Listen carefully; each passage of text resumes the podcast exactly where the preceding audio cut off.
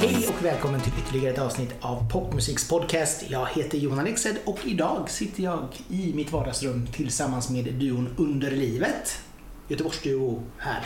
Välkomna hit. Tackar! Hur är läget idag? Bra. Bra. Ja, Solen skiner och eh, livet leker. ja lite julstress. Just det, du är superjulstressad Ja, på grund av mig. kanske. Har du inte köpt alla julklappar? Nej, det har jag inte. Inte ens på närheten liksom. Nej, men... Men- eh, Men det, nu får du göra det innan eh, så att de hinner skicka det då i och med att du inte får lov att gå i mm, affärer och handla. Precis, online eh, beställer de Jag kan ju direkt. säga att det är ju enklare att vara julhitler som jag är och det är svårare att vara män som vill att allt ska vara perfekt. Mm, kanske det. Svårare att vara vid sidan om liksom.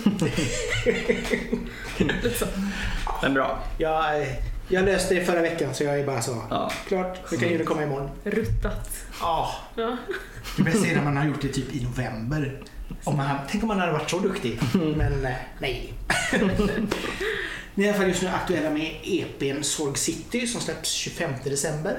Eh, Den har föranletts med lite singlar som har släppts också. Men jag tänkte vi börjar liksom som vanligt från början. Vilka är, vilka är ni? Hur träffades ni?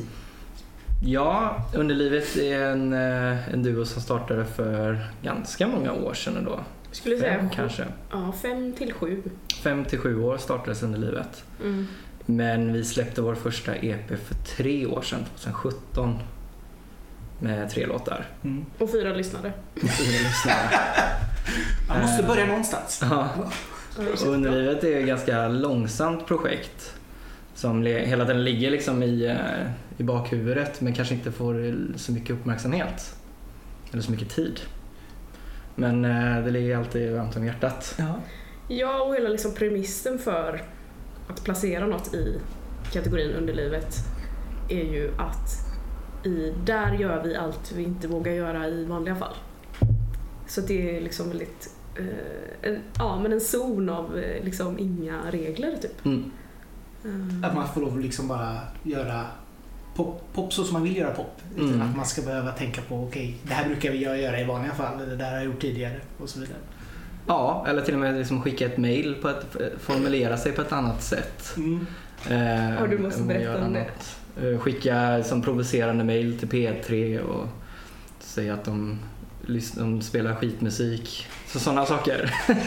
det finns ett frirum för det med, eh, med underlivet. Med att vara lite, lite kaxig. Man Ja. går liksom in i en roll som man kanske inte är i vanliga fall. Men så bara, här kan jag vara det här liksom. exakt. The pain in the ass. Och så Mm. bara Ja, bort. Eller som när du eh, mejlade Way Out West och skrev vi kan spela på kvällstid. Ja, Jag tyckte ändå var det ett av de bästa mejlen du har ja. dratt iväg. Vi, men vi, kan- vi, kan göra, vi kan spela Flamingoscenen funkar. Det är inga problem för oss. Nej, bara det är kvällstid för vi har mycket ljus har vi. Har du fått spela live? Nej, det har vi faktiskt Vi har ju inte. fått några spelningsförfrågningar eh, men vi har ju liksom eh, inte riktigt fattat att de var adresserade till oss känns det som. Mm. För det första har vi inte fattat att någon ens visste att vi fanns liksom. Och sen har vi väl inte... Men vi håller ju på att fila på en liveplan. Mm. Hur vi ska lösa det liksom. Eh, Det vill vi jättegärna göra, men då kommer det vara på våra egna premisser tror jag. Jag tror vi vill gärna ha kontroll över hur, hur det går till och sådär. Jag tror inte vi skulle tacka ja till kanske Vad som helst. nej eller sådär. Utan vi vill nog göra det på vårat sätt. Vad, vad ser ni in, liksom så här framför er att en, ett underlivet eh, live-gig ska vara liksom? Men jag tänker att det ska vara ganska flippat. Det ska vara flippat. Mm. Alltså något typ av så här dansgolv. Eh, något som ett DJ-dansgolv liksom. Mm. Ja. Eh, vi har ju också pratat länge om att vi skulle ta in våran producent på att göra tramp som man gör i film. Eh, vid sidan om. Eh, du vet sådana trampstudios. Mm. De har ju olika liksom krattade grusgångar och så har de gräsmatta och så, för att göra olika liksom, ljudupptagningar till film och så. Så vi pratat lite grann om att det skulle vara väldigt roligt att göra det live också. Mm. Som någon slags här samplings eh, eh, additiv eh, Mm. process. Eh, och att vår producent skulle liksom då spela tramp live. Ja. Men vi har inte riktigt kommit vidare med det. Men det är ändå innovativt känns det som. Att ni försöker Mm. liksom så här hitta lite nya idéer till saker och ting. Ja, men det kanske vi gör. Jag tänker, ja, vi har olika koncept, men kanske börja med som någon slags DJ-aktigt. Ja. Precis. Mm. Sent, trångt, Mm. mörkt. Coronafritt. Coronafritt. Det Exakt. ska ju helst bara vara vi och våra fyra lyssnare. Ja, egentligen. Precis. Ja, men då är ni ju faktiskt inom den här åtta personers gränsen Ja, så att det är ju precis. perfekt. Jättebra. Vad är er gemensamma nämnare när det kommer till musik personligen?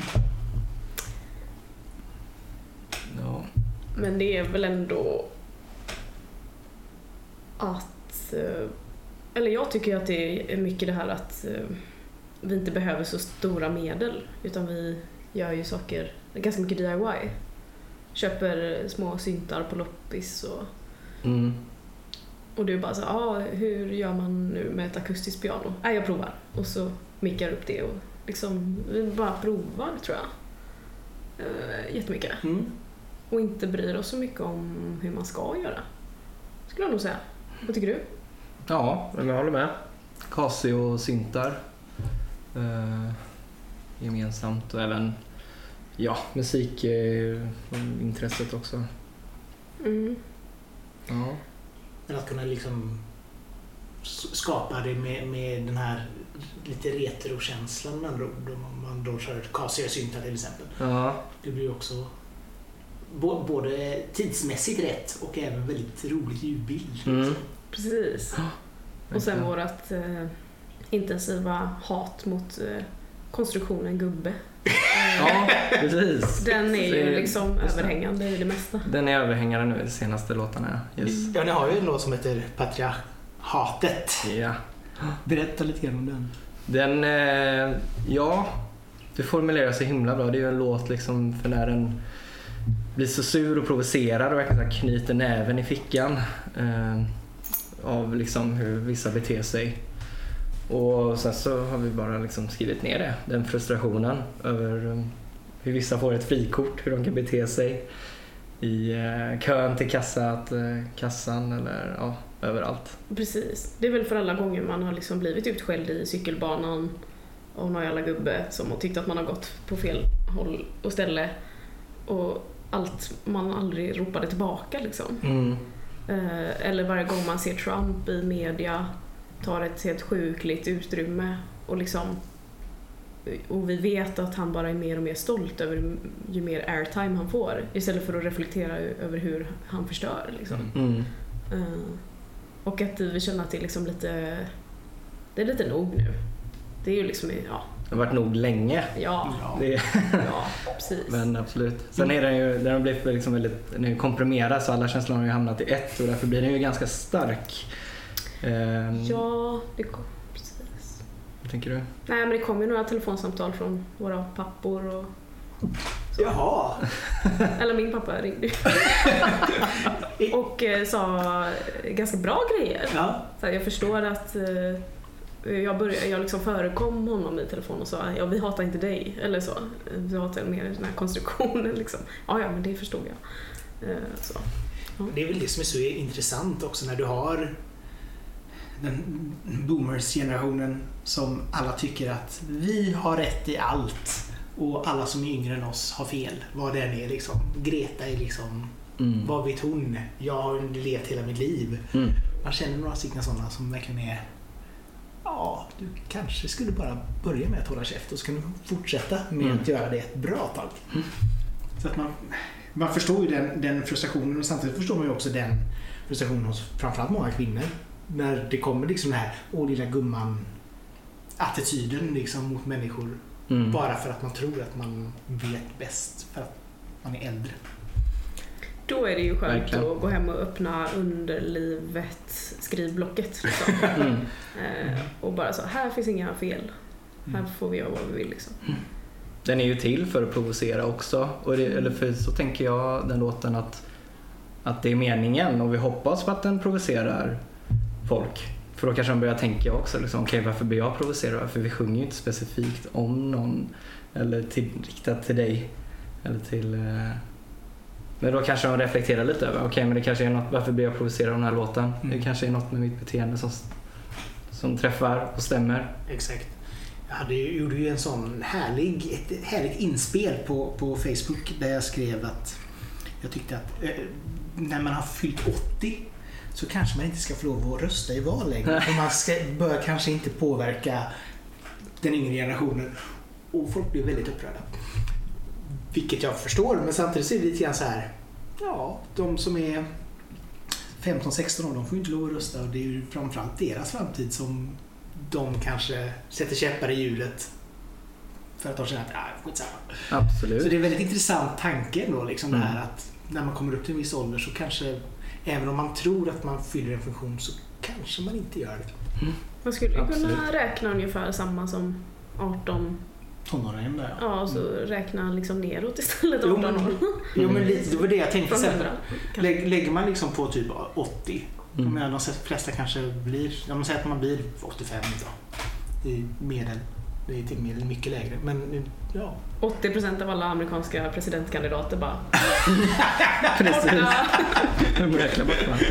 Ja, det har varit så spännande. Nej, så att eh, klart man inte ska göra det. Det vore ju dömt mot allas, men, allas eh, mänskliga rättighet. Men det är en väldigt intressant tanke för man slipper väldigt många inskränkta åsikter. Absolut. Nej, jag kan absolut, absolut hålla med till det och jag, jag är medveten om att mina åsikter kommer också bli för, för åldrade och, för, och dåliga. Om de inte redan är det nu liksom. För det är ju klart att den yngre generationen kommer växa upp och bli bättre liksom. Förhoppningsvis så är det ju den progressionen. Jo, man, man vill ju gärna det. Alltså det är klart att det kommer alltid komma personer som vill kanske, som, som inte bryr sig om klimatkrisen och så, som bara ser liksom till exempel pengar eller Mm. framgång på det sättet som sitt stora syfte i livet. Och, och det är klart att det ska finnas det också. Men samtidigt så behöver man ju det kanske den här motpolen där fler förstår att ah, vi kanske inte behöver lägga så här många miljarder på julklappar och vi kanske inte behöver göra så här för att ändra miljön och så vidare. Så det finns saker och ting att utveckla på alla plan tror jag. Ja, verkligen. Vi har ju försökt att börja närma oss de yngre generationerna genom att hjälpa varandra med lite olika moderna ord nu. Eh, så här, jag hörde eh, liksom Ja men när jag hörde cringe första gången var jag tvungen att gå och fråga dig vad fan det betydde. Liksom. Så, så man Mm. liksom håller varandra uppdaterade lite men jag är långt efter där alltså. Du har lite bättre koll. Nej, Jag vet inte vad de betyder riktigt men eh, jag hör ju vissa ord. Du kan sätta in dem i ett sammanhang i alla fall. Mm, Ja det knappt. skulle jag säga. Du kollar ju på Youtube, jag gör ju inte Ja, det. just det. Ja. Nej men det är väl, det är väl så, det är väl också det som är intressant. Alltså är man nyfiken och vill lära sig. Det är ju som du säger, liksom det här, kommer det ett ord man bara vad betyder det? Och så bara in och googla lite snabbt och bara ah, ja. Och så låtsas man att man kan och man bara Mm. oh, oh jag tror menar det ordet. för att man kan, för att man är snabb på att googla Mm. och då kan man göra så. Just det, man kanske ska ha ett litet lexikon i fickan Ja. folk pratar med en som är under 20. så man kan slå upp så här. Jag tycker det är så intressant för när man var på, när jag var singel, så var det liksom där när man skulle prata med några som var lite yngre. Och man bara kände att det är jättesvårt för de har ett helt annat språk. Framförallt så använder de liksom bara så här, om man säger så här, hej hur är läget? De bara, hej. Vad gör du? Inget. Mm. Och bara, mm. Medan man själv är så här, bara, jag gör det här och det här och bla bla bla. Bara skriver jättemycket och bara så här, väldigt så här, korta mening, inte ens meningar, bara ord, Ja. en eller två ord och man bara kan du inte försöka Don't waste my time. bilda en mening? Sen visar att personen i fråga är jätteintresserad men liksom så här, att visa upp det i text var liksom så här, nej, nej. Mm, Så det är väl också en sån generationsgrej kanske. kanske faktiskt. Ja, vi släppte i alla fall er debut-EP Våld och död och kärlek och magi mm, Mm. 2017. mm. Eh, Berätta lite om den. Hur var arbetet med, med när ni gjorde det här första projektet? Men nu gjorde vi allt själva liksom. Och vi försökte konceptualisera oss samtidigt. Och insåg att det kan vi inte. Eh, För det här ska inte finnas några gränser liksom. Ehm, Då började vi också första gången närma oss varandra musikaliskt. Och försöka förstå lite vad den andra menade och ville göra och sådär, upplevde jag. Men det var ju också jävligt kul för det är ju som en romans när man gör något första gången. Alltså det är ju, då har man ju aldrig varit med om det innan liksom, så att det blir väldigt eh, mycket mer goa pirr i magen. Typ som när vi skrev vår första låt ihop. Alltså det är ju... Ja men det är ju liksom början på en romans. Nu är vi ju mer lite så trötta och liksom bokar in tid ordentligt och liksom hörs på mail och sånt. det gjorde vi inte i början. Plus att vi jobbar med en producent nu också. Som är fantastisk. Men vad tänker du om processen i början? Det kan jag hålla med om, absolut. Det är mer passion i början och går lite snabbare på något sätt. Framförallt den första låten, Vintergatan, som kom till väldigt fort men sen gjordes om ganska drastiskt också. Precis. Jag kommer ihåg att jag så fick styla för dig första gången. vi spelade in Ja. sång till den. Jag har spelat in mycket sång och editerat mycket sång eh, som producent själv och så. Eh, och vet jag att jag kände mig cool när, du, när jag fick visa dig hur jag har gjort. Det var, Ja, yes, det var jag det. fick impa det på dig. Jag fick lära ut. Ja. Precis. Men det var då teacher. nu har du sprungit om. Ja, det, ja men så kan vi säga faktiskt. Eller Det tror jag du har ju inte. kunnat massa av det själv också. Men det var roligt vet jag att det var som nyhetens behag överallt liksom. Ja, Eh, I hela processen och att ja, det var kul att prova någonting nytt ihop liksom. Mm. Vad var det som fick er liksom att, att ta steget att faktiskt börja göra musik ihop? vet faktiskt inte. nej, inte jag heller. Det var ju den första låten och sen så tänkte jag, men det här kanske... Det var nog mest bara ämnat för oss, tror jag först. Mm. Och sen, ja men då kanske man kanske går att släppa den här. Mm. Det var så kanske det började. Ja, jag minns inte längre riktigt men Nej. Det bara blev och det blev bra. Ja, ja, det var jätteroligt faktiskt att liksom hitta en, ja, men hitta en ny värld ihop liksom. Och så här, jag var ju lite mer försiktig också i det här, vi kan göra vad vi vill här. Så för mig var det som att kliva in i någonting lite långsammare och, och för, ja, det känns som att jag liksom har eh, kanske velat det längre egentligen i Mm. mina andra liksom, åtaganden inom musik. Att så här, ja men inte bry mig så mycket. Mm. Och det är så jävla gött att hitta in i det tillsammans. Och att du så man var ganska frikostig med det liksom, gentemot mig. Att så här, bara, men vi behöver inte tänka strategiskt. Eh, vi ska ju också släppa vår EP på juldagen, vem fan gör det? Liksom, och så här. Mm. Ja, men det är bara så skönt att vända på allting. Och det är ju du väldigt bra på. Att vända på Mm. koncepten liksom. ja kanske. Ja, det tycker jag. Det ska du ha cred för. En passus där, i år är det ganska många som släpper den 25. Va? Den första. Inte jättemånga, men det är ändå en fredag. Ja, Så att det gör att folk faktiskt släpper en Det är Mm. fredag. Ja. Så, Fan också.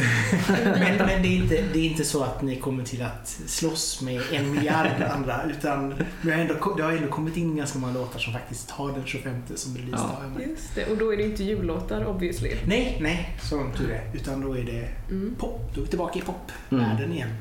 Just det, alla har varit hemma och corona, gjort musik.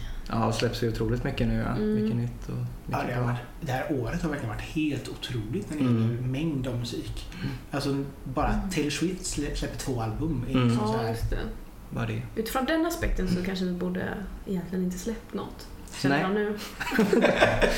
Eftersom det tog oss typ tre år och... Fortsätta att provocera genom att inte släppa någon musik. Men då provocerar vi mest oss själva tror jag. Vi har ju velat Smart släppa den här i ett och ett halvt år nu. Ja. Men har det varit lite grann som så här, det, är lite, det känns som att det är lite grann den här gym känslan. Så här, man går dit och så bara, jag måste avreagera mig och så får det bli liksom underlivet som blir istället för gymkortet. Liksom. Så bara, Alltså nej, eftersom vi blev klara för nästan ett år sedan. Och så har vi fortsatt att fixa med den. Vi har ju liksom nästan eh, tänkt att det här kommer ju aldrig släppas liksom. mm. Vi jobbade så länge med det. Så inte riktigt den gymreferensen, men jag hade, jag hade velat säga ja. Men eh, riktigt så var det inte. Nej, Vi liksom drog ut på det jättemycket. Men i skrivprocessen absolut. Det där med att skriva texter och sådär. Då får man ju, då har vi nog fått den känslan båda två. Mm. men, men vad var det som gjorde, mer än att, jag menar om, om albumet nu, eller EPn var klar för ett år sedan och nu sen då har varit pill liksom att få till det och post production. Men, men vad, vad är det som har gjort att det har tagit tre år Mm. mellan första EPn och nu liksom? Precis, det är, vet jag, eller det är väl lite det där med att eh, med prioritering och sådär. eh, Vi är ju aktiva i andra projekt och, och så. Så hamnar underlivet ganska långt ner i prioriteringslistan. Även om det ligger väldigt varmt om hjärtat då, som Mm. jag sa tidigare där. Men, men musik tar lång tid. Det är, eh, det är synd att det kan göra det. Men för när den gör allting själv så tar det väldigt lång tid. Upplever jag. Mm. Precis, och vi är också ganska ojämna i vår egna feeling för saker, får jag Mm. faktiskt ändå säga. Det kan vara så här. fan vad gött, nu har vi gjort tagningar på två låtar, det blir skitbra. Eh, bara, det är bara att mixa. Och sen så efter tre veckor så lyssnar vi egentligen ordentligt och bara, ja vi får göra om allting. Mm. Så det är lite dagsformsrelaterat också. Man är lite så king of the world ena veckan, hatar sig själv andra. Mm. Och så lever man i den liksom dualiteten. Det kan också göra då att saker tar tre år för att eh, man liksom står på ena benet ena dagen och andra Mm. andra. Men att komma in i den världen lite oftare, eh, det är mitt nyårslöfte. I den här skit i allt, vi gör vad vi vill Mm. eh, och liksom inte ha så liksom tydligt eh, konceptuellt tänk kring allt. Det, den världen vill jag nog vara i mer alltså. Så jag ska nog försöka Mm. prioritera upp, tror jag. De har ju blivit, låtarna har ju blivit, under den långa tiden har de ju liksom gått om så många olika former och faser. Så det de har blivit nu är ju verkligen väl oljade eller så här, de är väldigt, för mig väldigt självklara nu. Eh, I och med att de har bearbetat så många gånger om och om igen så har det blivit någonting som eh, känns väldigt bra. Hade vi skyndat på den processen så kanske vi inte hade varit nöjda eller inte lika nöjda. Mm. Eh, Men nu, nu kan jag verkligen vara väldigt stolt och nöjd över de låtarna för jag vet att de har verkligen, vi har lyssnat på dem, vi har De har jobbat gått med dem. i torktumlaren fem gånger liksom. Ja, precis. Eh, Och sen ibland kanske man liksom råkade tvätta bort något som skitigt Ja. som var jättegött och bra. Och det är ju väldigt synd för det, det är lätt hänt eh, när det tar lång tid såklart. Och på tal om det så är- har ju, är ju det här bandet också för mig ett sätt att, för jag har alltid varit lite förs- försiktig och liksom så här inte tänkt att eh, jag alltid levererar jättebra och om någon tycker att något är dåligt så är jag lite såhär, ah, nej men det nej men vi tar bort det, det blir bra. Men i det här, i det här sammanhanget så har jag lovat mig själv att vara lite mer så här eh, men kaxig typ. Så jag vet att, eh, att du satt någon gång med våran härliga producent och så hade ni fått för er att ta bort något eh, typ gitarrspel som jag hade testat att göra. Och då var jag så här, nej fan det ska tillbaka. Eh, Så det blev en liten dragkamp i mixen där liksom. Eh, Jag vill höra det liksom. Mm. Och jag tror inte jag hade vågat det i något annat eh, sammanhang riktigt. På samma sätt. Så att det, det är också roligt att en växelverkan också leder till någonting i torktumlaren då som, som blir bra till slut. Liksom. Mm. Eller för mig blev det ju bra då eftersom jag fick tillbaka min gitarrslinga. Ja. Ja men typ så, lite. Men samtidigt så kanske man också växer som person om man får lov att liksom så här leva ut i, inom ett projekt och så kan man det skvätta över till andra projekt sen också och så bara kan man bli lite kaxig även, även då. Ja. Och stå där i ICA-kön och skyll, skylla tillbaka på den här gubbjäveln. ja, förhoppningsvis. kan vara en bra grej. Absolut. Man, vad man mer kan göra på ICA eh, är ju att man kan, om man trycker upp sina skivor så kan man blanda in dem i de här, eller typ på bensinstationer. Mm. Så kan man typ så lägga egna exemplar bakom Lasse Stefans skivorna i sån topp 10-kön, eller vad heter det, Mm, mm, mm. stället. Mm. Mm. Så, no, Norman, den här dansbandspubliken som fortfarande köper CD. Ja. Det är bra. Alla andra bara så här, nej. Vi kör Spotify. Vi kör ingen aning. Hur viktigt är det förresten att hamna på en sån här Spotify-lista för er? Eller är det liksom så här, är det ändå någon dröm att komma dit? Eller är det liksom... Alltså det har ju blivit någon, eh, vad kan man säga, nästan en inflation med Spotify-listor och sådär. Jag menar, vi alla kan ju släppa musik på Spotify ganska lätt. Mm. Och, så, och det är svårt att nå fram och bli lyssnad på. Och förut var det ju att sälja skivor liksom på det sättet. Nu är det att hamna på spellistor. Och jag kan bli väldigt så här, vissa sidor kan man ju betala för att hamna på spellistor. Och de kan till och med ge liksom en, en ja, betalar du 10 000 så han får så här många plays och betalar du 15 så får du så här många. Och att det egentligen inte handlar så mycket kanske om att det är bra låtar. Det finns mängder med musik som är superbra men ingen hittar dem. För de har ju hamn, de hamnar inte på spellistor. Mm. Mm. Men Så, så som en, en, om man ska leva på musik så är det jätteviktigt att hamna på en spellista. Absolut, Jo. det är det ju. Mm. Men det är också att eh, det är också ett kontaktnät och det är pengar för att hamna på en spellista. Det är kanske nödvändigtvis inte för att det är en bra låt. Mm. Det är lite att pissa oss själva i ansiktet när vi inte vill vara en del av etablissemanget också. Det är klart. Men ja. eh, ibland eh, kanske måste skvätta tillbaka lite för att det ska bli något. Mm. Liksom. Så det är en jättesvår fråga tycker jag. Ja, och så det blir ju som du säger liksom så här. Förr så skulle det kunna vara liksom att man var på rekommenderad listan på, på skivhugget eller på Bengans liksom. Och så fick man sålt en del skivor på grund av det. Men nu är det verkligen Mm. bara Spotify Mm. som du måste Mm. hamna på för att du ska få dina streams. Just det. Och du har ju liksom inte någon direkt... Det blir inte jättemycket pengar. Nej. Absolut inte. Det var ju en som sa att ungefär en miljon streams är ungefär ja, 26... Eller t- t- två, eh, 23 000 kronor ungefär. Mm. Så det är ju liksom inte jättemycket pengar Mm. som ska delas på alla som varit med Mm. och skivbolag. Och Ligger man på skivbolag så får man ju ingenting. Nej. Ja, så att det är en ganska tuff bransch på det sättet. Liksom. Mm, Så att absolut. Det blir inte mycket pengar men samtidigt så är det, det är ju svårt också det här att man blir så beroende av att kunna nå ut för att bara skicka ut till sina vänner på Facebook. Det är ju kanske 20 streams. Mm. Ja men exakt. Så måste man liksom så här hitta någon, någon form av gatekeeper som Mm. man kan komma förbi. Då var det ju kul att Instagram-kontot Mansbebisar eh, eh, la till oss i en av deras spellistor. Ja, Mm. Var det inte så? jo. Det är ju lite mer eh, riktad marknadsföring. Ja. Ja. 20 kompisar och mansbebisar. Ja. Det är ändå roligt. Nej men det behövs väl liksom så här. Man be- alltså, jag har ju sett den här största skillnaden på att ligga på skivbolag och inte göra det. Det är ju det att ligga på skivbolag så hamnar du på de här 20-toppen på, på Spotify New Music Friday-listan. Och ligger du inte där så hamnar du på 20 lägsta.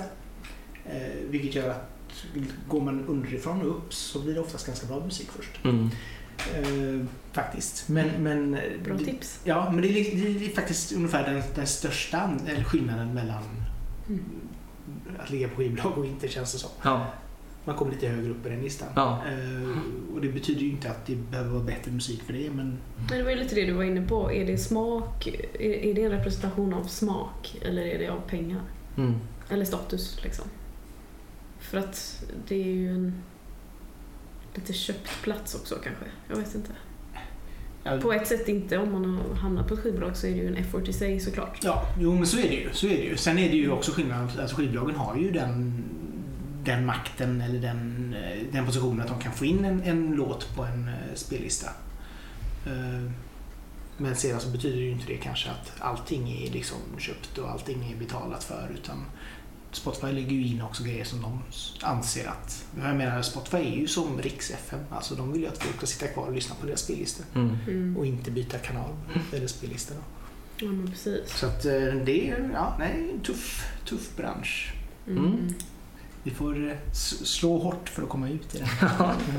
Men lite grann om, om era titlar. Alltså det som var det här som vi sa, det patriarhatet, könet som då är koenet, Mm. eh, romraket och så vidare. Det är väldigt så här, göteborgskt fyndigt. Mm. Oj, det har jag inte ens tänkt på. Jo, men det är ju så här bestämd du. form också, eller hur? Ja, Det är ju, ja men, ja precis. Så det, det kan vara, jag tror många utav dem började som liksom demonamn. Och sen så har det bara levt kvar. Romraket tror jag jag frågade dig vad det betyder för några vecka sedan. Ja. Eh, No comment. och lite så här och, och sen har vi döpt om någon låt. Just det. Eh, faktiskt gjort. Mm. Och sådär Detroit Sorry City var ju Detroit Rock City i början. Mm. Ehm, det var ju en som vatten... kom ifrån eh, en låt som hette Detroit bara. Vad Ja, tänkte du? men också Kiss då. Och Kiss också, ja, givetvis. Eh, Men det var ju också en liten sån vattendelarkänsla att vi bara, ska vi släppa den som Detroit Rock City och hoppas på att bli stämda så vi får uppmärksamhet? eh, och sen så bytte vi. Mm. För att det kändes som att vi kanske ändå inte kommer få det och skulle vi bli stämda kanske det kostar pengar eh, och det blir jobbigt liksom. Eh, så det blev, det blev ju en liten flört till hela EP-namnet sen då, Sorry City. Mm. Men är det inte också lite så, nu kanske du kommer bli irriterad på mig, men är det inte lite så också att du döpte till exempel könet till Tjoenet för att du tänkte att typ filnamn inte ska ha ä, ö å? Alltså är det en gammal grej eller vad, är det jag som är liksom från stenåldern? Ja, Kan, kan liksom... eh, För, för då fick jag för mig att vissa så här, engelska program då eller någonting inte riktigt klarar av och eh, för att då kan det bli liksom korrupta filer. ja 2001 kanske var så. Ja, fast inte längre. Nej. Så det kan vara Nej, en, ett då- svar på frågan. Det finns jag- Ö på Spotify alltså. Ja, Gör det? Är ni säkra på det? Spotify. Spotify. Spotify? Spotify. Det tror jag kan vara faktiskt en väldigt alltså. rak förklaring på det namnet. Men, men jag tyckte ju att det var liksom fint till slut. Eller jag har liksom, man lär sig leva med de här arbetsnamnen lite. Romraket tror jag... Du har ju, du har ju en tatuering också. Som... Av en raket. Ja, precis. Av en rymdraket. Mm, Inspirerad av. som också Eller inte, nej den är... Ja. Precis. Så det är ju saker också som vi hittar i vår närhet så att säga. Eh, Men varför den ble, blev just romraket, det var nog bara en lek med ord tror jag. I studion. Mm. Ehm, och att så här, jag vet inte. Vi fastnar, jag fastnar nog för det liksom för att det, också har lite grann att göra med att det kanske är ett jättetydligt budskap för vissa i låten att så här, nu skiter vi i den här jävla världen och bygger en ny eh, liksom, eh, verklighet som, som är mycket bättre. Eh, och jag tänker att det är ju liksom också indirekt en kritik till hur systemen ser ut idag, strukturerna, gubbarna, Trump, liksom allt. Eh, men det är den som förstår det kanske gör det lite mer än andra. Liksom. Eh, att det inte är jätteskrivet på, på Mm. näsan heller. Liksom. Så också det luddigare namnet. Jag vet inte riktigt. Ja, Men det är ändå fin- det är ganska fyndiga namn ändå. Ja, ja men vad fint. kanske. Ja, härligt. Jag, jag tror också de, alltså de namnen var nog den här i, i passion, eller så här, den första ingivelsen. Så här, vad ska vi döpa den här? Vi tar det. Mm. Och sen så hade de kunnat liksom gått in i torktumlaren och försvunnit om, om uppdaterats. Men så tror jag vi bara behöll det och någon gjorde väl något en modifikation för. Två låtar, två eh, titlar är ju annorlunda. Du har ju också, kläckte ju också patriarhatet. Det är ju Ja, hur det. episkt som helst. Jag är ju lite sur för att det inte var jag. Och det är ju en jättebra merch Mm. idé Ja. faktiskt. Kanske vi ska starta via Patreon. Ja, ja. Krossa patriarhatet. Eller mer patriarhat kanske. Mer på Ja, just det. Precis, det blir det. Vi får konsulta dig i detta innan Ja. vi gör något dumt på t-shirten. Eh, som sagt, ni hade ju producenten den här gången. Kim Russ. Mm. Vad, vad, varför valde ni det? Eller varför? Kim var med i den första EPn också. Ah, i den processen eh, men inte lika involverad ska jag nog säga. Eh, Men nu på, till den här EPn så har Kim verkligen varit involverad och gjort väldigt, väldigt mycket med låtarna. Eh, och verkligen eh, format de sounden som det har blivit. Oftast så, ja, så kommer vi med en låtidé, struktur som är ganska rå och sen så ja, gör Kim magi med de ljudfilerna och verkligen modifierar det. Så det verkligen lyfter och blir något eh, helt annat. Och vissa inspelningar vi gör låter totalt katastrof och så lyckas Kim rädda dem på något sätt och, och få in det i, eh, i sammanhanget. Jag tänker på den truminspelningen till exempel. Och sen lite tillbaka till katastrofkänslan vill vi ju alltid. Mm. För att vi vill ha något organiskt så att det får inte bli för alltså då lyxjobbar ju han till det skitigt igen liksom. Mm, Man kan ju precis. säga att hans torktumlare är lite coolare än våra. Ja, det är den definitivt. Ja, Så skulle jag nog säga. Han men har ju en jävla fingertoppskänsla. Kim är otroligt duktig producent. Och, Men jag har ju också varit lite så här. Eh, jag tycker ju du har jobbat så gött med alla grejer från början ibland. Så jag har ju velat peppa till att låta det vara kvar. mm, Och så Ehm, så det, det fin- finns ju också en liten dragkamp där. mm, Att liksom vissa grejer tycker jag ska vara så som du har gjort dem från början till exempel. Ehm, men jag är också extremt nöjd med vad Kim har gjort ja. med allt. Det jag känner om, jag, om vi spelar in något så kanske jag inte riktigt kan få det att låta på ett visst sätt. Men Kim lyckas på något sätt få fram det som jag hade som jag inte, kanske inte visste att jag ville att det skulle låta som. Men sen man lyssnar på det bara oj det här är ju Ja det är klart det ska låta på det här sättet. Eh, Men det, det är väl också det som är viktigt med en producent, att hitta de här Mm. godbitarna i det man gör och förstärker det och lyfter fram det på ett bra sätt. Mm. liksom. Så att, Mm. och det kanske, även om ni är två, det kanske behövs liksom en tredje part som Det är jättebra att vara tre. Ja. Mm. Han är ju också en liten Duracell-kanin. Eh, han slutar ju aldrig. Nej, Kim kan jobba 15 timmar sträck. Eh, och, ja, jag förstår inte hur det går riktigt. Nej, och till slut så tappar ju vi det i studion och sitter och flamsar och han ändå orkar liksom. Mm. Det kan hända att man somnar en stund också och vaknar upp igen låter det ännu bättre. Och, ja. Nej, men det är ju grymt alltså. Nice. Ja, Mm. men det är ju sånt som behövs. Liksom. Så, nu kommer ni ju som sagt att släppa EPn här. Eh, blir det några fler låtar på den? För nu är vi uppe i fyra än så länge. Ja, det blir en till. Ja. Fem låtar totalt va? Mm. Ja. Det är jättekonstigt gjort men det är Ja, precis. Så fyra singlar och sen kompletterar vi EP med en låt. ekonomisk katastrof. Men det är en, en, en sista låt som, eh, som inte är släppt än.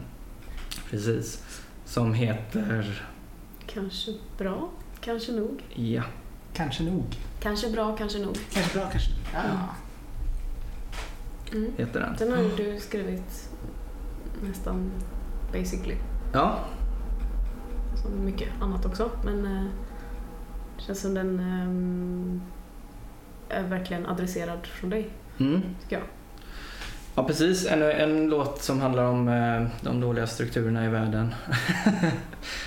Så det är kanske inte den peppigaste låten, är det ju inte. Eh, men eh, nej, men den, den ligger varmt om hjärtat. Det är den ärliga låten. Den ärliga låten, Ja, ja, den den känns lite sura mer låten. personlig, tycker jag.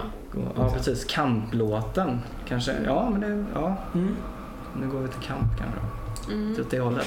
Och dansar samtidigt. Alltså den, men det blir också liksom lite grann åt samma röj. Alltså, Alltså jag tycker in- den är mörkare. Ja, okej. Det är mörk Mm. som fan. Ja, kanske. Ja. Uh, Köret är också lite suggestivt. Mordor-syntar och... Ja. Inte riktigt hur den har kommit fram men Men nu är den där. Nu är den där, den kommer. Den 25. Kul! Ja, nej, för det är väldigt spännande som sagt var. Det är roligt också att, att eh, den släpps som sagt var den 25. Så att det blir en sån liten försenad julklapp till alla indiepop-fans som gillar Göteborgssoundet. Ja, precis. För det, men det är också lite grann det som är roligt med låtarna. Att det är liksom sagt var som Detroit Story City. Att det är lite så här ned- nedslag i Göteborgsnatten. Ja. Som- Och, och eh, med Pustervik och hela alltet liksom sådär. mm. Så att är det liksom så här när, när man fick, var det, var det mycket ute och gå på konserter, sitta på två lång eller vad det? Absolut. Ja, vi, vi går ju nästan alltid på konserter, minst en, en i veckan tror jag innan liksom hela eh, coronasituationen kom till. Liksom. Eh, så det brukar vi alltid och ta väldigt mycket inspiration från liksom, lokala artister och från spelningar. Jag får väldigt mycket inspiration ifrån att gå på konserter just Mm. eh, och kolla på andra band. Och, Och jag lyssnar ju inte så mycket på musik. nej. Det är mest ljudböcker för din del. Ja, precis. exakt så. Uh, lyssnar mycket på podcasts. Mm. Jag vet inte vad det är riktigt, men du är lite mer eh, uppsnappande. Och around and about. Jag Ja, är lite mer gammal och trött nu. Eh, och... eh, ja, men det känns som du har fått mycket så nattliga aha-upplevelser. Ja, ser något klotter på vägen hem när det börjar ljusna på morgonen och bara fan det skriver en låt om. ja precis. Sorry City kommer ju från det. Det är ju det är väl någon, någon konstnär som skriver sorg. Mm. Eh, Den taggen finns lite överallt. Men just Sorry City finns ju nere på första lång uppe på ett tak där. Ja, just det. Mm. Ganska stort. Det har faktiskt även sett sorg i Stockholm. Asså? Så det är någon, Den jäveln åker runt alltså. ja, någon Wow. som åkt dit. Men det är ju främst Göteborg. Ja. Absolut. Eh, Så det kan man ju, ja precis. Mm. Men det har ju också blivit lite så här synonym med Göteborg. Alltså Ja. sorg. Det var ju var väl BD som gjorde det, tänker jag. Ja, det är Håkan. Eller Håkan. Mm. Precis, don't stretch it. Nej, mer BD va? Håkan är för glad. Känn ingen sorg. Ser ingen sorg. Ja, Ja, han är så glad annars. ja han är alltid Ja, det är glad. ändå hans låt. På grund av allt, alla stimpengar. Ja, Ja, precis. Så är han extra glad. Så han är extra glad. Ja, exakt. Nej men det finns väl någon slags, eh, på tal om romans då, det finns väl någon slags bitterljuv. Eh, alltså storstads, eh, mindre värdekomplex med lilla Göteborg som ändå är andra största stan i Sverige fast man inte fattar hur det är möjligt liksom. Och att det alltid så regnar och det är mycket, ja men det är mycket pop eh, estetik liksom Mm. Mm. ändå. Den det är hela- lätt uppsnappad. Eh, Och det har vi ju ändå här. Liksom. Ehm, Stockholm å andra sidan är ju mycket mer pampigt och liksom där får ju folk så här spetsa in sig på en park och skriva om typ. Humlegården. Exakt, till exempel så. Men här drar vi ju hela hamninloppet på en och samma låt. ja, men vi är lite grann som en Kent-låt. Det är liksom så här Ja. blött och det är grått och det är misär. Och... Mm. Tills någon öppnar munnen och försöker förklara det, då låter det ganska så hurtigt och roligt. Fan vad tråkigt allt är. Och så bara blir det kul liksom. Det är väl som norska liksom. Ja. Ja. Ja, Nu är jag jättearg! ja. Gud vad besviken jag är! Man bara, Jätteglad. Det låter inte som det. Men det är, också så här, det är också lite så här charmigt när stockholmare kommer till Göteborg och de bara Åh, ni är så trevliga här nere. Man bara mm. Visst är vi. Kul, jättekul. Supersmurfigt. Mm. Ja, fan vilken lokalpatriot eh, jag blir med åren, märker jag. Det är Ja. helt sjukt. Man blir lite grann det. Mm. Jag känner också det, att man nu verkar så här så fort det kommer. Jag är ju från Hunnebostrand från början. Och då Mm. blir man ju sådär men Newkid är ju från Uddevalla. Det är ju typ granngård. Så att man Mm. bara, yeah, jättecoolt. Precis, och liksom åka runt i Sverige och sjunga Göteborgsloven liksom. Eh, eller, eller hela den här... Jag har nog aldrig hört mig själv hylla min hemstad så mycket som nu. Eh, vilket är så knäppt, för det är ju så många år man har velat härifrån Mm. ändå. Mm.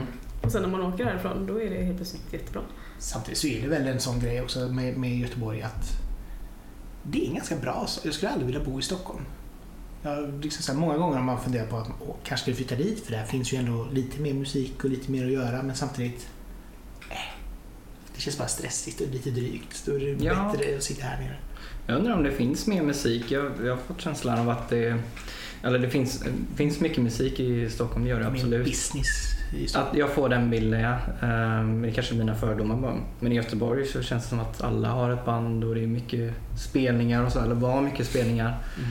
Och just den här alla känner alla-känslan lite också.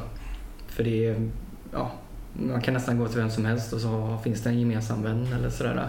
Så är det. Och det gillar jag väldigt mycket med Göteborg. Det är liksom en liten storstad. Och jag tycker ändå att det har blivit väldigt många roliga spelställen i stan. Alltså, bara man går tillbaka några år, men just det här att du har liksom Pustervik och du har Oceanen och du har liksom Långgatorna där de brukar ha spelningar och så vidare. Så Mm. att det känns som att även om vi inte får de kända namnen, så fort det kommer någon från något annat land så kommer de alltid bara till Stockholm känns det som. Men Mm. vi får ju väldigt mycket spelningar av lite mindre band som bara kommer hit, vilket Mm. är jätteroligt. Just det. Mm. Verkligen. För jag menar, även om jag blir jätteupprörd att Troye Sivan bara kommer till Stockholm eller att uh, Britney Spears bara kommer dit eller numera upp till Umeå eller vad det nu var. Mm. Så är, det- så är det ändå liksom så här, vill man gå på konsert så finns det ganska mycket att gå på här ändå varje vecka. Verkligen. När det väl gick liksom. Mm. Så att jag tycker det är all heder till, till arrangörerna i stan som Mm. försöker ändå göra det till en levande musikstad. Liksom. Och framförallt eh, de mindre DIY-aktörerna Ja. nere på kajskjul och på, liksom, ja, på svartklubbarna liksom, Mm. på de mindre DIY-spelningarna och sådär. Ja, men jag tror det De är grymma. det är jätteroligt liksom. Och att det inte behöver bara vara de stora namnen. För att, sen är det ju alltså, det är ju många svenskar tyvärr som är så här att man inte går på någonting om man inte vet vad det är för något. Så kan jag själv vara också så jag ska inte säga någonting. Men, men det är fortfarande här att möjligheten finns i alla fall. Och det är det som är roligt att man kan gå Mm. ner till någonstans och bara åh, ta en öl och lyssna på ett band och sen går man hem. Det behöver inte vara värre än så liksom. Nej, precis. Jag hoppas ju att eh, våra fina ställen får överleva Mm. det här året liksom. Känns ju lite oklart just nu. Verkligen.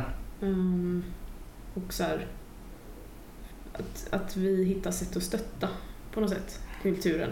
Mm. För den är som, vi snackade ju i köket förut om att, eh, att musiksläktet och alla som jobbar med musiken på något sätt är lite som maskrosivrare och överlever det mesta. Mm. Men nu tror jag det känns som den hårdaste stormen ever mot alla maskrosor liksom. Mm.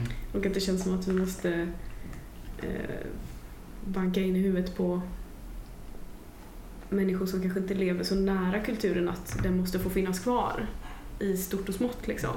Det är inte bara operan som ska räddas. Nej. Fan i mig. Nej men det är ju verkligen så. Och jag menar även om du har Alltså som Pustervik sånt, de kommer säkert till att överleva på grund av att de har ändå restaurang och så vidare. Men det är nog jävligt tufft för dem nu liksom. Mm. Och det är ju fortfarande... Ska man hårdra det så tror jag inte det kommer till att öppna upp förrän till sommaren. Tidigast liksom. Mm. Så det är ju inte, det är inte frågan om att det är någon månad till och sen är det över utan det är ju verkligen sex månader till. Och det kommer nog vara jävligt tufft för väldigt många. Även om vaccinet kommer att rulla ut här nu i januari så ska det ändå tas två gånger inom en månad och det ska liksom så här administreras och komma igång. Så att det vi är inte riktigt där men vi är väldigt nära. Mm. Så att jag hoppas att de håller ut. Mm. Jag har sett en progression genom åren i Göteborg. Eller, Vi är ju liksom, eller alltså indie-staden liksom, men det känns som att indiekulturen försvinner. Den tynar bort mer och mer. Replokaler så höjer de, chockhöjer de hyrorna. Band blir tvungna att flytta ut och inte har råd längre. Eh, framförallt Higab då som höjer hyrorna otroligt mycket. I Brewhouse och Studios är tvungna, tvungna att flytta ur. Eh, Henriksberg, eh, Truckstop Alaska. Det är mycket av den här indiescenen som staden jobbar emot. Och det vi vill ha kvar det är Håkan som gör fem gig på Ullevi en gång om året. Det är liksom, var kommer Håkan ifrån? Han- Håkan har en replokal. Men det känns som att den produktionen inte liksom så här stämmer överens. Vi vill gärna ha de här stora indiebanden som spelar på enorma spelningar men vi vill inte att några indieband kommer till i replokalen eller får spela på en lite mindre scen. Det kan... Det är så jävla hårt åtsnörat nu alltså. Mm. Sen eh, många år tillbaka. Mm.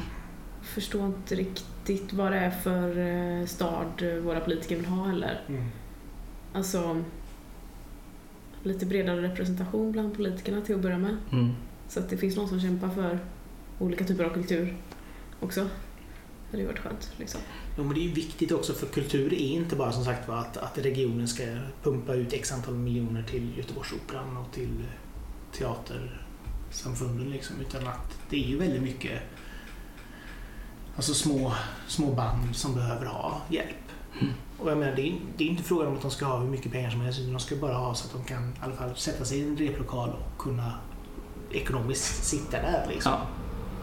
Mm. Så att det är så enkelt. Men allting dras åt liksom. Men man kan, lägga, man kan bygga Sveriges dyraste simhall borta vid Gubbelsvass. Det kan man göra. Den har jag missat. Ja, de ska, det, var uppenbarligen, det är uppenbarligen så svårt att bygga där borta så det kommer kosta ett x antal miljarder. Och det tycker de att ja, men det gör vi. Det. Vi kan ju inte sätta det någon annanstans för det måste ju vara på fastland Göteborg utan vi kan inte sätta på Hisingen där det är billigare. För vi är så kortsiktiga som politiker så vi klarar inte av att se längre än över älven. Det går inte. Nej, utan... Just det, för man har ju ingen linbana över dit ändå. Så. Nej, exakt. Och det är ju ingen som... Där finns ju drakar. Så att det är ju ingen som kan åka till Hisingen. Man bara, sätt skiten där, punkt. Mm. Det bara, nej men allt ska vara på borta där vid Ullevi. Mm, eller inte. Mhm. Ja, man kan bli upprörd för mindre. Ja. Ja, men verkligen. Det, ja, det, det är... Vad ska man säga? Vi får hoppas att ehm, några rika investerare får upp ögonen för DIY-kulturen. Så kan tjäna pengar. Hur ska du tjäna pengar på det här? Och liksom under pandemin hyr ut, eller så här, står för hyran på olika scener så man får vara där och repa typ. Så pumpa in pengar till arrangörerna. Det hade varit riktigt nice. Mm. det... Hade jag vunnit drömvinsten så hade Mm. jag Mm. gjort det. Men eh, jag är inte där än. Nej, precis. Vi eh, får hoppas. Vi får hoppas. Hur ska ni fira på eh, releasen? Vad ska ni göra? Är det något speciellt? Blir det liksom en skön pucko och eh, en Sibylla? Eller blir det... Det lät gött. Ja. Alltså antingen firar man ju genom att bli förkyld för att på julafton blir det stora juldoppet i havet. Eller så stärks immunförsvaret och då kan det ju bli en pucko, tänker jag. Eh, Jag vet inte, vad tänker du? Ja, det blir ju lite, självklart hade vi velat släppa något och göra någon spelning till och sådär. Så det blir lite antiklimax. Men eh, ja, kanske lyssna på den, vem vet? Våran egen musik. Ja, jag göra det kanske? Sätta den på repeat så, Så får vi upp lite plays. ja, så det går, går över under tusen streams. Perfekt, så gör vi. Det kommer jag nog göra faktiskt. Ja. Ja, det får vi göra. Ja, ni får, lyssna, ni får lyssna på det. Ni har ju hela helgen på er, som det heter. Ja, Underbart. Tack så jättemycket för att ni kom hit och ville Tack. prata, prata av er. Ja, lite grann. Denna hemliga grupp ifrån eh, Göteborg. Underlivet heter de. Leta upp på Spotify och lyssna. De är lika bra eh, som musik som de är på att prata av sig här. Så det är perfekt. Som vanligt, gillar du avsnittet, dela det vidare till dina vänner så att fler hör det. Och prenumerera gärna på podden så att du får nästa avsnitt direkt ner i din poddmaskin. Men från och så är Offside Majerna så säger vi tack och hej. Hejdå! Hej!